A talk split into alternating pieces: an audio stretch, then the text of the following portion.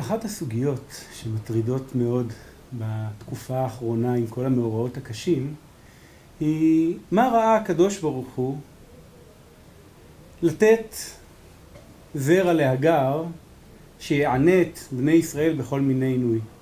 כלומר, מדוע אנחנו כל כך סובלים ביחסינו עם בני דודינו השוכנים פה בארץ? בפרשת השבוע רמב"ן למעשה עונה על השאלה הזאת וטוען שהסיפור הזה הוא תולדה של סיפור שרי והגר. רמב"ן כותב כך: חטאה אימנו בעינוי הזה, וגם אברהם בהניחו לעשות כן. וישמע אדוני אונייה של הגר, ונתן לה בן שיהא פרא אדם, לענות זרע אברהם ושרה בכל מיני העינוי. מהו אותו סיפור שבעקבותיו נתן הקדוש ברוך הוא עונש כל כך נורא, לפחות לדעת רמב"ן, לזרע של אברהם ושרה. סיפור מוכר בוודאי לכולם, אה, הוא הסיפור של נתינת הגר, שפחתה של שרה כאישה לאברהם.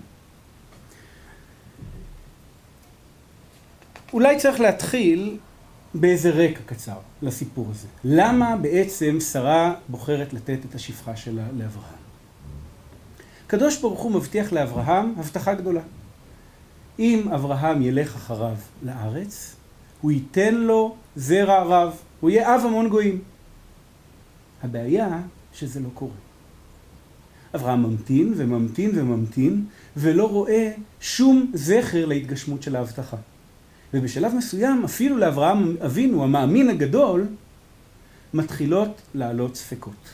והנה, בפרק ט"ו בספר בראשית, אחרי שאברהם מנצח את אה, ארבעת המלכים, מתגלה אליו הקדוש ברוך הוא ואומר לו כך: אל תירא אברהם, אנוכי מגן לך, שכרך הרבה מאוד. הקדוש ברוך הוא בא, הוא מבטיח לאברהם שכר רב. ההבטחה הזאת, במקום להוציא מאברהם הבעה של תודה, מוציאה ממנו דווקא טרוניה. ואומר אברהם, הן לי לא נתת זרע, זרע, והנה בן ביתי יורש אותי. אברהם אומר, מה יעזור לי? או בפסוק שלב דילנו, מה תיתן לי ואנוכי הולך ערירי? אתה מבטיח לתת לי שכר רב, אבל אתה כבר הבטחת לתת לי זרע, ואת זה לא נתת לי, אז מה אני צריך עוד שכר?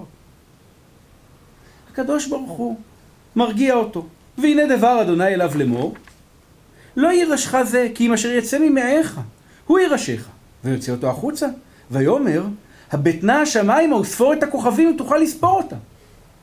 ואברהם מביט השמיימה, ורואה שהוא לא יכול לספור את הכוכבים, ויאמר לו, כה יהיה זרעך. כלומר, זרעך יהיה כמו הכוכבים. שכידוע בלילה עם תאורה נורמלית אפשר לספור בערך שלושת אלפים. אז סך הכל זה לא זרע כל כך רב. לא. אה, הקדוש ברוך הוא מתכוון כמובן לתאר את הכוכבים אה, כדבר שלא ניתן לספור אותו במניינו. מה יאמר אברהם על ההבטחה הזאת? הרי הקדוש ברוך הוא הבטיח לו זרע, אחר כך הוא עוד פעם הבטיח לו זרע, ועוד הבטחה. מה אמורים לעשות עם כל כך הרבה הבטחות שלא מתגשמות? בן אדם נותן לך צ'ק בלי כיסוי, וכשאתה אומר לו, הצ'ק חזר, הוא אומר, אין שום בעיה, על כמה היה הצ'ק? בוא נכתוב לך עוד אחד. אבל אברהם אבינו, למרות זאת, מאמין גדול, ולא סתם כאחד האדם, והאמין באדוני. ויחשביה לא צדקה. כי אמונה כזאת היא לא דבר מובן מאליו. לא כל אחד מסוגל להתעזר באמונה. טוב, חולף זמן נוסף, והנה בפרק ט"ז, פרק אחד אחר כך, גם שרה מתחילה לשאול את עצמה שאלות. הרי בן עדיין לא נולד, והקדוש ברוך הוא הבטיח, ושב והבטיח. איך אפשר להסביר דבר כזה? הרי הוא הבטיח להם צאצאים. אבל אז אולי שרה חושבת פעם נוספת ואומרת, האומנם הקדוש ברוך הוא הבטיח להם צאצאים? הקדוש ברוך הוא הבטיח רק לאברהם. הוא בשום מקום לא אמר עד עכשיו לפחות, שהצאצאים האלה יבואו משרה. ואולי זה הרקע לסיפור שבו אנחנו עומדים לעסוק עכשיו, סיפור שנמצא בפרק ט"ז. ושרי אשת אברהם לא ילדה לו. ולה שפחה מצרית ושמה הגר. ותאמר שרי אל אברהם, הננה עצרני אדוני מילדת. ואני מציע לכם לקחת את המילים עצרני השם מילדת לא רק כמליצה, כלומר, לא רק לתרגם את זה אני הכרה, אלא אולי במשמעות המילולית של הדברים. השם איננו חפץ בילד ממני, השם עצר אותי מילדת. מה הפתרון אם כך? בונה אל שפחתי, אולי ייבנה ממנה. הפתרון הוא סוג של ייבום קדום, או סוג, סליחה, של פונדקאות קדומה. קח את השפחה שלי, השפחה שלי היא הרכוש שלי, ואם ייוולד לך בן מהרכוש שלי, זה אומר שהבן הזה הוא גם שלך וגם שלי. ובזה אני אבנה ממנה. שרה, בלי חלילה לזלזל בגדלותה, לא עושה את זה למען אברהם. היא לא מקריבה את עצמה למענו, כמו שיש כאלה שמפרשים. היא לא אומרת אולי תיבנה ממנה, אלא אולי ייבנה ממנה, היא מעוניינת בצאצאים. זאת לא מליצה ריקה, כי סיפור מאוד מאוד דומה נמצא בהמשך ספר בראשית, אתם בוודאי זוכרים. כשיש תחרות בין רחל לבין לאה על הילדים של יעקב, כל אחת מהן נותנת את שפחתה לבעלה כדי להוליד ממנו עוד ילדים. כך למשל רחל, על אחד הבנים שנולד משפחתה, אומרת, נפתולי אלוהים נפתלתי עם אחותי גם יכולתי. כלומר, נפתלי הוא תוצאה של תחבולה שנפ... אה, שתחבלתי על מנת להשיג עוד צאצא. כלומר, שרה עושה את זה למען עצמה. אולי גם למען אברהם, אבל זה לא העיקר של הסיפור. וישמע אברהם לכל שרי. מה לא כתוב פה? לא כתוב פה, ויטב הדבר בעיני אברהם, ויעש כן. כלומר, אברהם איננו מוצג כמי שהרעיון טוב בעיניו, גם לא כמי שהרעיון רע בעיניו, אלא כמי שמוכן למלא את הוראותיה של אשתו. וכאן מגיע פסוק שיכול לגרום לחררה לכל אה, לומד הלכה, מאחר שהוא פורץ את הגבולות המקובלים של מעשה הקידושים כמעט. ותיקח שרי אשת אברהם את הגר המצרית שפחתה מקץ עשר שנים לשבט אברהם בארץ כנען ותיתן אותה לאברהם אישה, לא לאישה. במקום שיהיה כתוב ויקח אברהם את הגר, שהלא מעשה הנישואים הוא מעשה של לקיחה, אברהם לא לוקח. מי לוקח, או ליתר דיוק מי לוקחת? שרי לוקחת. אברהם הוא רק המקבל. כי זה לא נישואין בדיוק, אלא בסך הכל סוג של פונדקאות. ויבוא אל הגר, וטהר, ותרק ירתה, ותקל גבירתה בעיניה. תראו מול הפסוק הקודם שהיה כל כך איטי, כמה הפסוק הזה הוא קצבי ומהיר. ויבוא אל הגר, ותר, ותרק ירתה, ותקל גבירתה בעיניה. לומר שעשר שנים אברהם ושרי, אברהם ושרי כבר נשואים ואין צאצאים. ברגע שמוחלפת האישה, ברגע שאברהם בא על הגר, מיד ירה. זאת מהפכה אחת שהיא מהפכה דרמטית, ואולי היא גם מסבירה את המהפכה השנייה. ותרק ירתה, ותקל גבירתה בעיניה. לא תהליך הדרגתי שבו השפחה לאט לאט מתחילה להרגיש את עצמה מושלת, אלא ברגע שהיא רואה את עצמה הרע, היא מזלזלת בגבירתה. איך אפשר להסביר את התהליך הזה, את התמונה הזאת? אז אם ההבטחה על הזרע הגדול שאמור להיות לאברהם הייתה ידועה בביתו, ואם חוסר היכולת של שרה להיכנס להיריון, למרות ההבטחה, הייתה סיפור ידוע באותו בית, איך מפרשת הגר לעצמה את העובדה שהיא מתעברת כל כך בקלות מאברהם? אין זאת אלא שצודקת גבירתה. השם עצר אותה מלדת, השם לא חפץ בבן ממנה, הוא לא רוצה שהיא תוליד את בן ההבטחה. אבל הגר לעומת זאת כן מולידה. ולכן ברגע שהיא רואה שהיא הרה, היא מזלזלת בגבירתה. היא לא דואגת למשל שמא תהיה הפלה. עכשיו אתם בוודאי יודעים שיש אחוז ניכר מאוד של הפלות בשלבים הראשונים של ההיריון, בעיקר בהיריון ראשון. ואתם גם יודעים שיש סיכוי של כ-50 אחוז שתהיה טרגדיה אחרת במונחים של העולם הקדום. ככלות הכל זאת יכולה להיות בת, ובת לא עוזרת בסיפור הזה. היום כולם פלורליסטים ואומרים, לא משנה, בן בת, העיקר שיהיה ברית, אבל באותם ימים עשו ברית רק לבנים, ולא הייתה ברירה. אז הנה, היא בוטחת שהקדוש ברוך הוא יוליד את הבן הזה, ממנה, היא לא דואגת. ותאמר שרי אל אברהם, חמסי עליך. אנוכי נתתי שפחתי בחיקך ותרא כי יראת ואקל בעיניה? ישפוט אדוני ביני וביניך. שרה חוזרת בעצם על מה שנאמר בשני הפסוקים הקודמים, במילים קצת שונות, אבל זה כמעט אותו תוכן. היא חוזרת לא בגלל שצריך לידע את הקורא במשהו שהוא איננו יודע, אלא מכיוון שהפסוק הזה הוא בעצם כתב תביעה. חמסי עליך, כך פותחת התביעה. ומה התוכן שלה? אנוכי נתתי שפחתי בחיקך ותרא כי יראת ואקל בעיניה. סוף כתב התביעה ועכשיו הזמנת השופט למשפט ישפוט אדוני ביני וביניך. שאתה אברהם נהגת שלא כדין. אברהם, כמו הרבה מאוד אה, נתבעים אחרים למשפט, ברגע שמגישים כתב אישום מולו, אומר למה צריך ללכת לבית דין, אפשר לסגור את זה מחוץ לכותלי בית המשפט, בהסדר. ויאמר אברהם אל שרי, הנה שפחתך בידך, עשי לה הטוב בעינייך. הוא אומר, אני לא מונע ממך, אם את, את נתת לי את שפחתך, וכרגע שפחתך הייתה מוגנת כי היא הייתה אצלי, כבר לא הייתה אצלך, אז הנה שפחתך בידך, אני מחזיר אותה לידייך, אני מחזיר אותה להיות שפחה, עשי לה הטוב בעינייך, אני לא מתערב. שימו לב, אברהם לא התערב לטובת הגר בשלב הזה, כמו שלא היה טוב בעיניו מלכתחילה. הוא מציית לשרה בסיפור הזה. מהו הטוב בעיניה של שרה? ותעניה שרי ותברח מפניה. שרי מענה את הגר כעונש על ההתנשאות של הגר, על זה שהיא הייתה קלה בעיניה. וזה אותו חטא שעליו אומר רמב"ן, שבו פתחנו, שהקדוש ברוך הוא נתן להגר זרע שיענה את אה, צאצאי אברהם ושרה.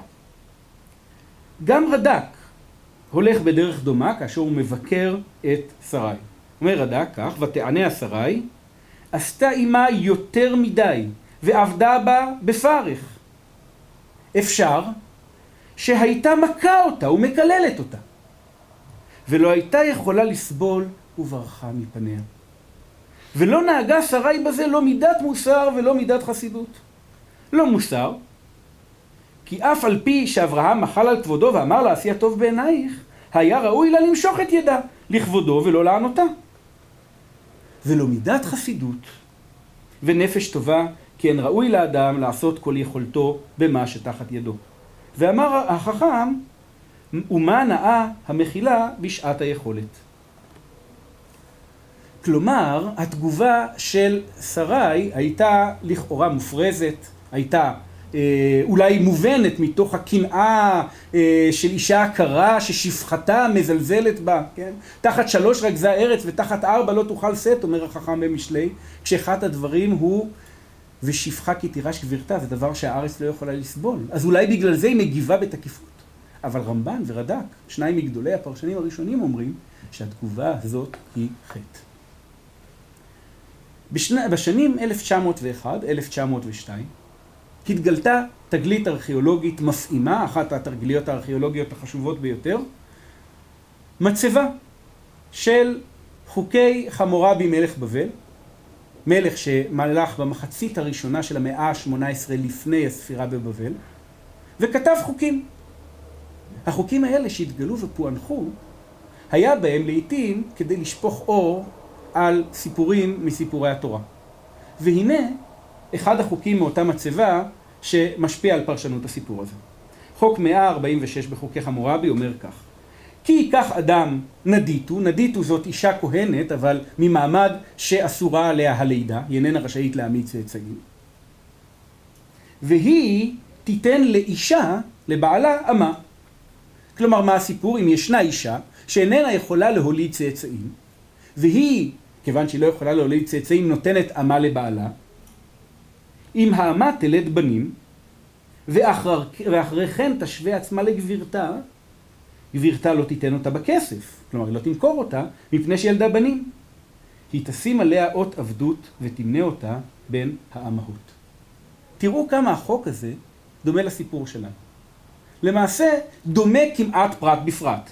מי האישה שאיננה יכולה להוליד ילדים? זאת שרי. מה היא עושה? היא נותנת לאישה, לאברהם, את הגר. ותיקח שרי אשת אברהם, את הגר המצרית שפחתה וכולי, ותיתן אותה לאברהם אישה, לא לאישה. אם מעמד תלד בנים ואחר כן תשווה עצמה לגבירתה, זה כמעט כמו פרפרזה על ותרא כי הרעת, ותקל גבירתה בעיניה. מהו העונש? גבירתה לא תמכור אותה, אלא תחזיר אותה להיות שפחה. זה כמעט מה שאברהם אומר. הנה שפחתך בידך. היא חוזרת להיות שפחה. בעקבות זה היו כמה שהציעו שהשיפוט שלנו את שרה היה מוגזם, לא הגון. אנחנו שפטנו את שרה במושגי ימינו במקום במושגי העולם ההוא. כמו שאי אפשר לשפוט את אברהם על זה שיש לו עבדים בביתו, ולשאול איך אברהם מתייחס אל אדם כאל חפץ שאפשר לקנות ולמכור, כי ברור לנו שבאותם ימים גם אדם מוסרי החזיק עבדים, הוא התנהג אליהם יפה, הוא, אה, אם הייתה לו כרית אחת הוא נתן לעבד לישון עליה, אבל עדיין הוא החזיק בו כעבד. מאוד לא הגון לשפוט את אנשי העבר במושגי ההווה. ואז החוק הזה בעצם מצדיק את שרי. אבל האומנם הוא מצדיק אותה? בואו נעיין שוב בחוק. החוק הזה נורא דומה לסיפור ומאוד הגיוני שאברהם שמגיע מאור כסדים, מבבל, והוא בערך בן זמנו של חמורבי, מכיר את החוק ונוהג על פיו, שרה נוהגת על פיו. אבל החוק לא בדיוק מצדיק את מה שקורה שם. הוא לא מצדיק לא את ההתנהגות של הגר, אבל כנראה גם לא את של שרה. שימו לב שהגר מכוערת יותר בהתנהגות שלה מהאישה של החוק. אצל האישה של החוק כתוב שהיא ילדה בנים, אצל הגר היא רק הרתה. כלומר המהפך הוא חד מאוד. והדבר השני, אצל האישה בחוק כתוב שהיא משווה עצמה לגבירתה, כלומר היא מתחילה לחשוב את עצמה כבת חורין. אבל ותקל גבירתה בעיניה יכול להתפרש לא כאילו שהגר מרימה את עצמה לדרגתה של גבירתה, אלא אולי משהו אחר, כאילו שהיא גם מגביהה את עצמה על ידי זה שהיא משפילה את גבירתה. זה לא בטוח, זה אולי פירוש קצת מוגזם, אבל הוא מתקבל על הדעת. כשההתנהגות של הגר כל כך קיצונית, יותר מאשר הפושע הרגיל בחוק, זה מזמין גם תגובה חריפה יותר. אברהם משיב אותה לגבירתה, אבל גבירתה מתעללת בה, מענה אותה. וזה משהו שהחוק לא מתיר. העינוי כל כך חריף, שהגר בורחת.